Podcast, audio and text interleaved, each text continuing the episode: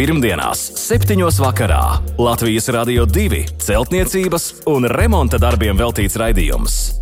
No pamatiem līdz jumtam. Ar padomiem un atbildēm uz klausītāju jautājumiem Latvijas Rādio 2 studijā - tehnisko zinātņu doktors, būveksperts Juris Biršs. Sveicināti raidījumā no pamatiem līdz jumtam. Studijā Inese uz galda jūsu vēstules, un kā alaž atbildes ir sagatavojis būveksperts, tehnisko zinātņu doktors Juris Biršs. Labvakar, Birškungs! Labvakar! Šodien, Birškungs, mēs vairāk runāsim un vairāk ir jautājumi tieši par grīdas konstrukciju, arī izbūves darbiem un materiāliem. Un sāksim ar dāvju vēstuli. Jautājums dāvim ir par pareizu un vienlaikus ekonomisku grīdas pīrāgu zem siltajām grīdām.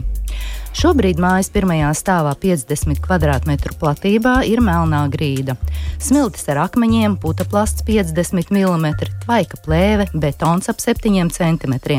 Un problēma dāvim ir tāda, ka šī grīda ir par 30 cm zemāka pret pārējo mājas grīdu. Māja atrodas rekonstrukcijas stadijā, tā ir jaunbūve. Un šobrīd uh, dāvis ir izdomājis šādu grīdas pīrāgu, lai paaugstinātu grīdas līmeni. Beramais keramzīts frakcija no 10 līdz 16 mm 7 līdz 20 cm. Tvaika izolācijas plēve, ekstrudētais putuplasts ar pusspundi 50 mm, stiegrojums siets ar aci 150 mm, silto grīdu caurules diametrs 16 vai 20 mm un betona klona grīda 6 līdz 8 cm. Un lūk, dāvim ir vairāk jautājumu. Sāksim ar visu pēc kārtas. Vai šāds pīrāgs Birškungs ir pareizs? Nu, pīrāgs ir pareizs. Pīrāgs ir tiešām. Nu, tā, var, tā var taisīt. Tā varētu būt. Jā, tā varētu būt. Nākamais jautājums, vai tvaika plēvi jānovieto zem vai virs putu plasta? Jā, nu te ir mazas, maza, maza, ne, mazas neansītas.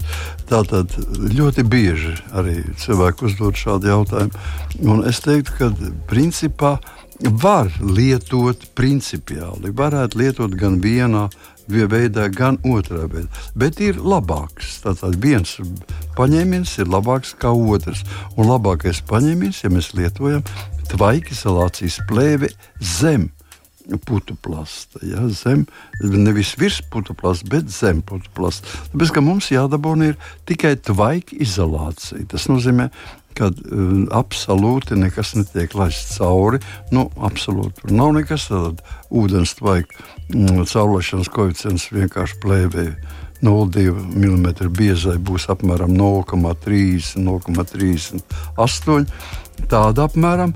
Un ar to mums pilnīgi pietiek.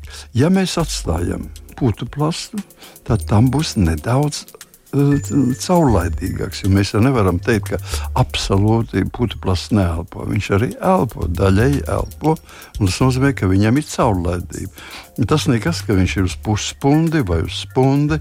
Bet viņa caur, tas nozīmē, ka daļēji ūdens iesūksies siltumizolācijā, un tad tikai teiksim, būs nu, ko nozīmē ūdens siltumizolācija, samazināt siltumizolācijas efektivitāti. Tātad tas nebūtu pieļaujams. Pareizāk ir veidot šķembu klājumu, klāt virsū tvaika izolācijas plēvi un tikai tad likt virsū ekstrudētā putekļa. Virs viņa likt vairāk nevajag.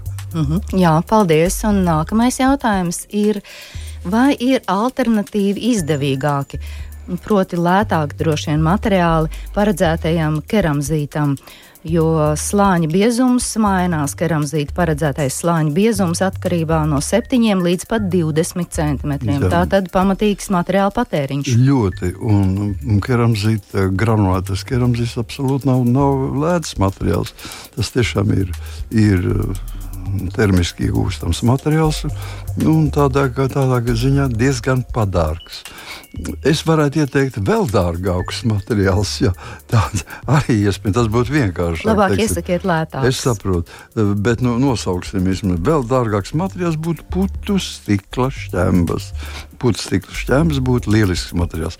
Bet lētāk, lai mēs atrastu, es jums pateiktu, ka šajā gadījumā var dot padomu uz lētāku, jo mums jau ir esošā grīdas konstrukcija kurai būs pa 30 centimetriem zemāk, un tajā jau ir ielikts iekšā bermets keramzīts, attiecīgā frakcija, daudzums. Tātad uh, tālāk virs šī, palielinot šo, šo grīdas biezumu, mēs varam likt vienkārši šķembas. Ne ar smalkni, bet šajā gadījumā noteikti mazgātas šķembas, ar caurmēru teiksim, no 10 līdz 20 mm. Ar tādu caurmēru šķērs mēs varam droši bērt virsū, droši viņas blietēt. Un tad likt visu šo plēvi. Nu, ja viņa būs ar ļoti asām maliņām, tad mēs varam vēl virsū atļauties uzlikt puscentimetru vai centimetru smilts, lai viņš nebūtu tas asās, mm, teiksim, nu, šķēmu maliņas. Un tad klājam virsū. Plēvi. Jā, bet uh, vai tikai šķēmas arī var lietot bez šī keramzīta slāņa? Protams, ka var lietot. Var lietot. Redziet, mums ir cilvēki vienmēr grib ļoti, ļoti sakot, apdro, nodrošināties. Bet šai gadījumā mēs taču neaizmirstam to, ka mums būs virs šķēmām tāda tvaika izolācija un tad vēl putu plasts, ekstrudētais ar pusi spundi 50 mm biezumā. Nu, no kā mēs baidāmies? Apakšā jau augstums nav. Tur ir labākā, tas ir sliktākā gadījumā no zemes dzīvēm nāks no plus 4 grādi. Ja? Tur nekad nebūs mīnus. To mēs varam atļauties. Jā, paldies. Bet, ja tomēr izvēlas keramzītu, tad pēc betona klona grīdas ieklāšanas, vai tas nesēdīsies un grīdas līmenis nekritīsies, arī par to dāvis nu, jautā. Nu, es saprotu, ka visi visi teiksim, beramie materiāli, viņu granulas kaut kādā mērā mazliet sēžās, ja tas materiāla daudzums, bet šai gadījumā tie ir, tās ir milimetru daļas. Jo keramzīts pats par sevi jau ir tik gan līdzīgs kā šķidrums. Ja viņu no, noblietēt nav iespējams. Kā viņi izlīdzina, tāds viņš arī paliek tādas vieglas, cietas bumbiņas. Jā, vieglas, cietas bumbiņas, kas ir ļoti kustīgas viena attiecībā pret otru. Un, un tā, teiksim, tur vibrēt vai viņas uh, blietēt, nu, absolūti neko nedod. Jā, paldies. Un vēl viens jautājums. Vai ekstrudētais putu plasts ir nepieciešams, vai dāvis var arī izmantot zemākas stiprības putu plastu? Nē, šai gadījumā es neieteiktu zemāks, jo gala galā rezultāts ir dabūt apsildāmu grīdu. Jā. Tātad apsildāmā grīdai mums būs vajadzīgs šis 50 mm. Uzskat, ir maksimums. Mēs varētu ņemt arī 30 mm, bet, ja pielietosim šķēmu klājumu, tad šis 50 ir pamatots. Un neaizmirstam divas patiesības. Pirmkārt, jebkurš ekstrudēts putu plasts sēdīsies apmēram par nu, 10%. Ja? Tas ir 10%, tas būtu 5 mm. Ja, varētu, nos, varētu sagaidīt, ka šī sēšanās varētu notikt zem slodzes iespēja. Un otrām kārtām, lai kādu mēs neliktu siltumizolācijas materiālu, mēs viņu tomēr uzsildām no sildei, no grīdas, sakot, šīm caurulītēm, kurās ritēs darba šķīdums, ūdens uzkarsēts. Tātad siltums tomēr uzsildīs arī šo putu plastu. Un putu plasts uzsildīts ieņem lielāku tilpumu. Atkal tilpuma maiņa, ja? jo būs mazāks slānis plastī, jo tas ir labāk, mazāks tilpuma izmaiņas. Es šai gadījumā negribētu, lai lieto parasto teiksim, epstipa plastu, jo uh, tam ir milzīgas temperatūra uh, izraisītas tilpuma izmaiņas, ļoti spēcīgas, jā. un stiprība nav nekāda absolūti. Nu, skaidrs, tā tad pareiza doma ir ekstrudētais putoplasts. Tieši tā. Turpinām ar Ivo stāstu, un tas arī būs par grīdām. Simtgadīga māja, dzīvojamajā istabā jāmaina grīdas segums. Jautājums ir par slāni, kur jāliek mitruma izturīgais, tātad zaļais rīģipsis, tad pa virsmu parastais rīģipsis. Zaļais raksta Ivo ir ievērojami lētāks, varbūt abus slāņus var likt tieši zaļo rīģipsi un tā īsumā kāda būtu darba gaita? Jā, nu, parasti mēs uh, tomēr sakām, es jums paskaidrošu, kāpēc es vienmēr iesaku vispirms likt mitrumu izturīgo tātad zaļo rīģipsu un pēc tam likt grīdas rīģipsu. Jo šis beidzamā kārta, kas ir virs siltuma izolācijas, pirmā, ja pirmā kārta no sākot no siltuma izolācijas uz augšu, kas ir peldošāka peldošā grīda, tādā ne līmetne, nekādā veidā sasaistīta ar siltumizolāciju. Viņa ir pēdējais iespēja kaut kur, ja teiksim, no augšpuses, no istabas puses parādās kāds mitrums. Teiksim, ir apgāzies spājas ar ūdeni. Ilgstoši viņš ir stāvējis, ūdens ir plī, slīdējis pa visu grīdu, tātad kaut kādas daļas varētu būt arī aiz, aiz, teiksim, iespiedīsies tik dziļi. Tad mitruma izturīgais uzņems šo mitrumu un neutralizēs viņu. Mēs varam likt arī otru kārtu, kā parasto zaļo rīķis, bet tikai tad viņi būs neizturīgāki. Ja? Lai, lai viņš būtu izturīgāks, mēs lietojam E, grīdas rīķis. Ja mums nav rīķis vai nav pieejama, vai mums ir, ir uzkrājumā kādi citi plāšņu materiāli, nu, teiksim, saplāksnes vai OSB plātnes, mēs varam virs tā zaļā rīķipša likt arī šādus materiālus. Tātad daudzslāņains plākšņu materiāls. Nu, vienkārši optimāls ir zaļais. Mm, parastais reģips un virs viņa grīdas reģips, bet varētu būt arī citi. Mhm. Jā, paldies par atbildību. Tagad Mārs jautājums. Veca mūrā ēka ar biezām sienām. Vai taisnība, ka šādai vecai mūra ēkai iekšpusē labāk likt apmetumu nekā rīģips, tīri no tehniskā viedokļa, neestētiskā, vai ir būtiski, kādas bāzes apmetums tas ir? Šeit vajadzētu mazu, mazu mm, tādu precizējumu. Veca mūra ēka ar biezām sienām.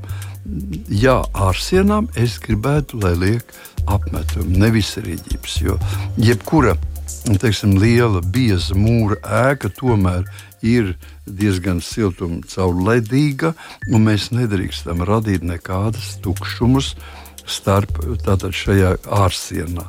Bet te ir iekšpuse. Bet šeit, ja tā ir iekšpuse, ja tā ir iekšsiena, tad lūdzu, tad nav, tas nav nekādā mm, būtiski. Ja šajā gadījumā iekšsienas mēs varam taisīt kādas mēs tikai vēlamies. Viņas var būt ar, ar tukšumiem, ar, ar pildītas ar siltumizolācijas materiālu vai nepildītas vai apšūts ar eģiptes. Tas viss ir tīri subjektīvi. Ja? Bet ārsienām vajadzētu konkrēti ļoti monolītu sastāvu. Nekādas slāņas, un jebkurā gadījumā nekādas mm, teiksim, tukšums, dobumus. Vai, Nedrīkst teiksim, pieļaut. Jā, kur, kur, kuri netiek ventilēti. Ja viņi tiek ventilēti, lūdzu, bet ja viņi netiek ventilēti, tādi nedrīkst būt un kādu bāzes uh, apmetumu jūs ieteiktu iekšsienām? Nu, iekšsienām ir tikai, manā skatījumā, ir tikai divi apmetumi, kas ir tiešām lieliski. Ja. Tātad ļoti būtisks un praktisks ir kaļķis, kaļķis saturošs. Kaļķi, ne tikai tīrais kaļķis, bet arī kaļķis saturošs apmetums. Un, ja cilvēks ir teiksim, ļoti tātad, rūpējies par savu veselību un, un tā tālāk, tad tas varētu ieteikt viņam māla apmetumu. Ja, tad māla pabiezāks pamatslānis ar dekoratīvo krāsoto māla apmetumu apmēram milimetru biezumā. Jā, paldies Birškungs par atbildi Mārai. Pirmdienās, 7. vakarā Latvijas Rādio 2 celtniecības un remonta darbiem veltīts raidījums. No pamatiem līdz jumtam Ar padomiem un atbildēm uz klausītāju jautājumiem Latvijas Rādio 2 studijā - tehnisko zinātņu doktors, būveksperts Juris Biršs. Un turpinām ar jūra stāstu. Jurim ir dzīvoklis piektajā stāvā. Lietus un sniega laikā virtuvē un istabās ārējās sienas paliek mitras, nāk ūdens. Bēniņi un jumts mājā ir sauss un no ārpuses viss ir it kā normāli. Stikla bloki un plaisas arī aizlīmētas. Kā var atrast vietas, pa kurām ieplūst dzīvoklī ūdens? Ar termokameru neko nevar redzēt, raksta jūras droši vien pārbaudījis jau. Viena vieta ir, kur temperatūras noplūdes, bet viss ir aizmūrēts. Ko darīt? Ko darīt, Biržkungs? Jā, nu šeit ir brīnumi, protams, ka nenotiek, un būvniecībā tie notiek mazāk. Viss ir likumsakarīgi. Jā, viss ir likumsakarīgi. Viss pakļaujas klimatiskiem un, un teiksim, kaut kādiem noteiktiem apstākļiem, likumsakarībām, būvfizikas. Bet šeit praktiski varētu teikt tādu nu, mazas aizdomas par to rodas. Jo uh, Juris saka, ka lietus, nu, tas būtu labi saprotams, varētu arī caurmirkt siena. Bet sniega laikā, nu, sniegs, es kaut kādīgi mm, zinu, ka esmu bijis nu, ne Latvijā, citās vietās, kur ir uz ēkas sienām sakrājās metriem gan arī vai metriem bieza sniega kārta un diezgan ilgi, un, un tas sniegs tik ātri neiet iekšā. Sniega lietas ūdens būtu savādāk. Tāpēc tas rada aizdomas par to, ka šeit ir iespējams divi gadījumi. Pirmais gadījums, kad mūsu siena ir nepietiekoši biezums. Jau tas, ka jūras piemin stikla blokus, stikla bloki ir savā ziņā, teiksim, nu, parasti nekad viņi ļoti biezi nav. Viņi ir 70, 80 mm biezi. Ja tur ir teiksim, divas stikla bloku rindas, tad, ja starp viņām ir 10 centimetri, tad viņi atbilst uh, normatīvam. Bet, ja tur ir viena rinda vai, vai tikai vai divas un cieši sablītas kopā, jau pats par sevi norāda, ka tas ir par augstu. Tātad tas ir par plānu. Un, un, un ja tas ir par plānu, šī, tad teiksim, tajos momentos, kad mums nāk lietus vai sniegs, ko dara šis ūdens, jebkurā gadījumā? Viņš atdzesē materiālu virsmu. Mums jau tāpat tas iekšā ir plusi, lieli plusi, ārpusē varētu būt mazāki plusi vai mīnusi pat. Un šī starpība ir siena. Ja mums sienas starpības starp vienas puses sienai un otras puses temperatūra ir liela, tad mums iekšpusē parādās kondensāts no telpas puses. Tas mitrums, kas ir iekšā telpas atmosfērā, viņš vienkārši izsēdīsies uz iekšējās sienas. Virsmas. Jā, un tas rodas iespējas, ka tas nāk no ārpuses. Jā, un tāds iespējas, tas ir, ies, iespējas ir, ka viņš nāk no ārpuses. Bet īstenībā Viņš vienkārši parādās no iekšpuses. Viņš uz augstās virsmas, izkrīt rasa. Ja. Jā. Un otrs variants? Un otrs variants ir tas, ja mums tiešām, nu, praktiski arī tas pats ir variants. Tas eh, nozīmē, ka mums mm, siltinājums nav. Mums ir vienkārši nepieciešams siltinājums. Nu, ārpusē, acīm redzot, cik es saprotu, ēka ir paneļu ēka, un tur mēs neko nevarēsim izdarīt. Šeit ir risinājums iekšējās sienas siltināšana. Vairāk nekas, teiksim, ja mēs uzliktu divus slāņus ar teiksim, mīkstām kokšķiedru plāksnēm, katru 2,5 cm biezu, tas nozīmē 5 cm. Īpaši mēs nesamazinātu telpas mm, kvadratūru, kubatūru, bet uh, tas mums palīdzētu uh, iekšējās sienas virsmu padarīt daudz siltāku. Ūdens nekondensēs un tas ūdens nebūs.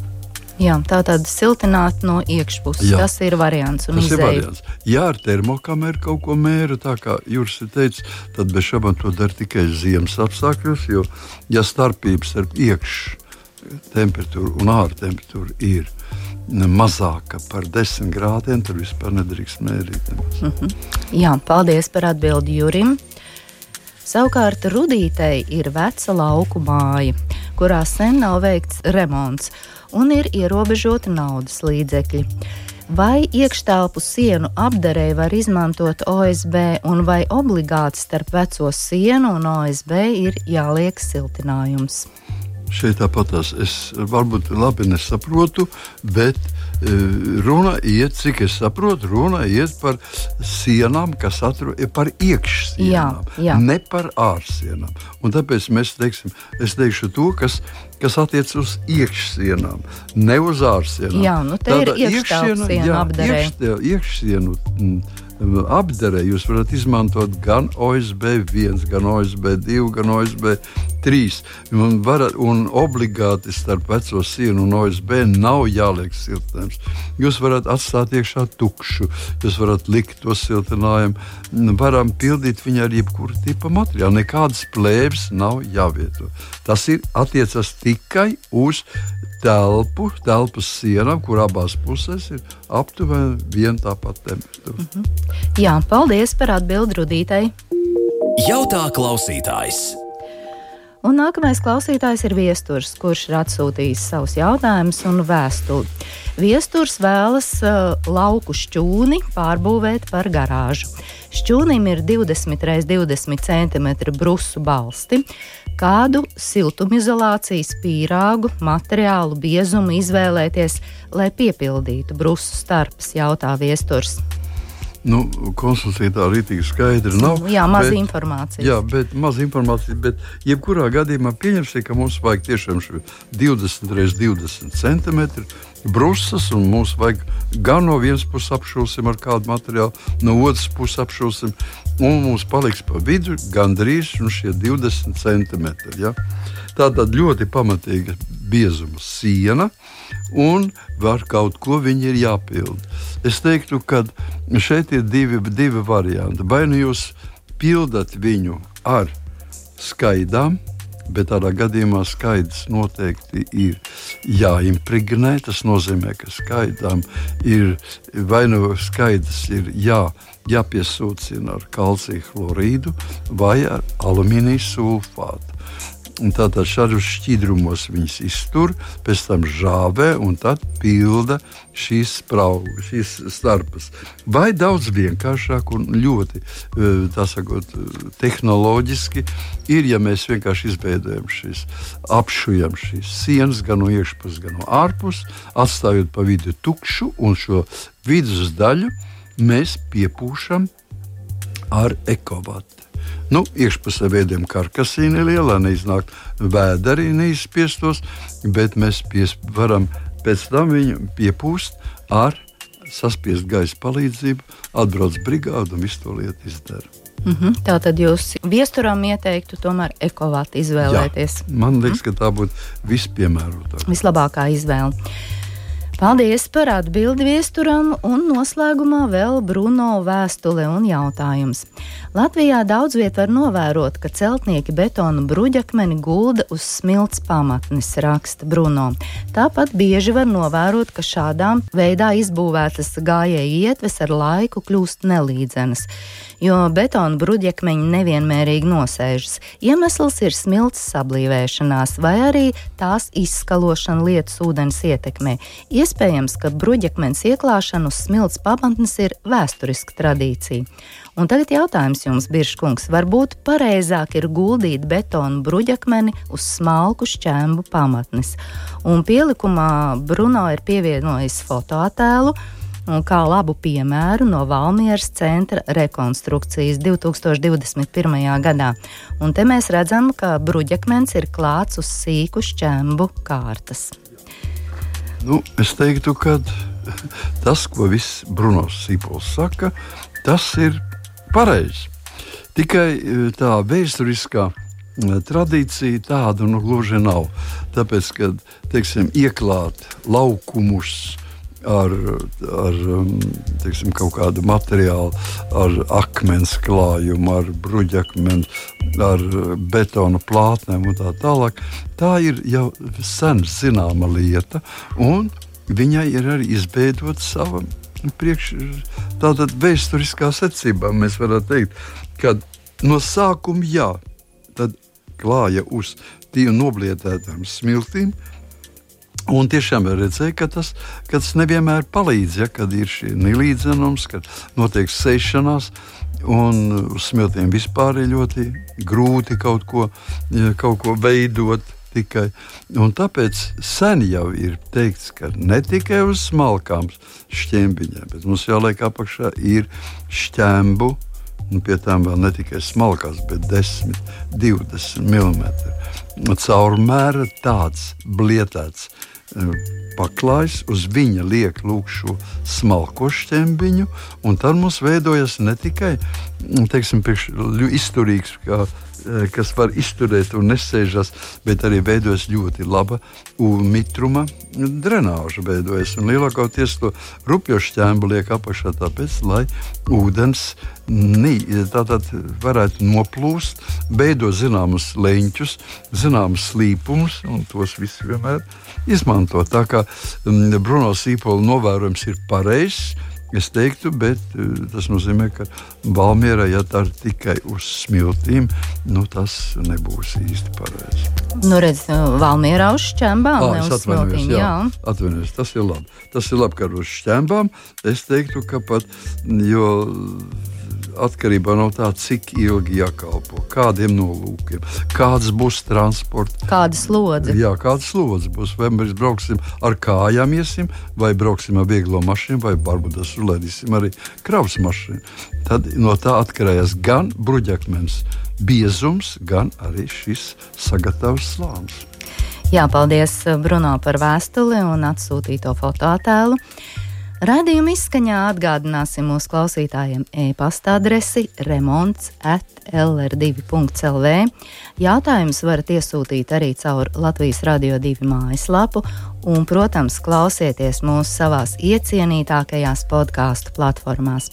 Šovakar paldies klausītāji par jau iesūtītajiem jautājumiem, paldies Birškungs par atbildēm, lai jums jauks, mierīgs, silts vakars jūs mājās un tiekamies pēc nedēļas! Visu labu! Pirmdienās, 7. vakarā Latvijas Rādio 2 celtniecības un remonta darbiem veltīts raidījums. No pamatiem līdz jumtam. Ar padomiem un atbildēm uz klausītāju jautājumiem Latvijas Rādio 2 studijā - tehnisko zinātņu doktors, būveksperts Juris Biršs.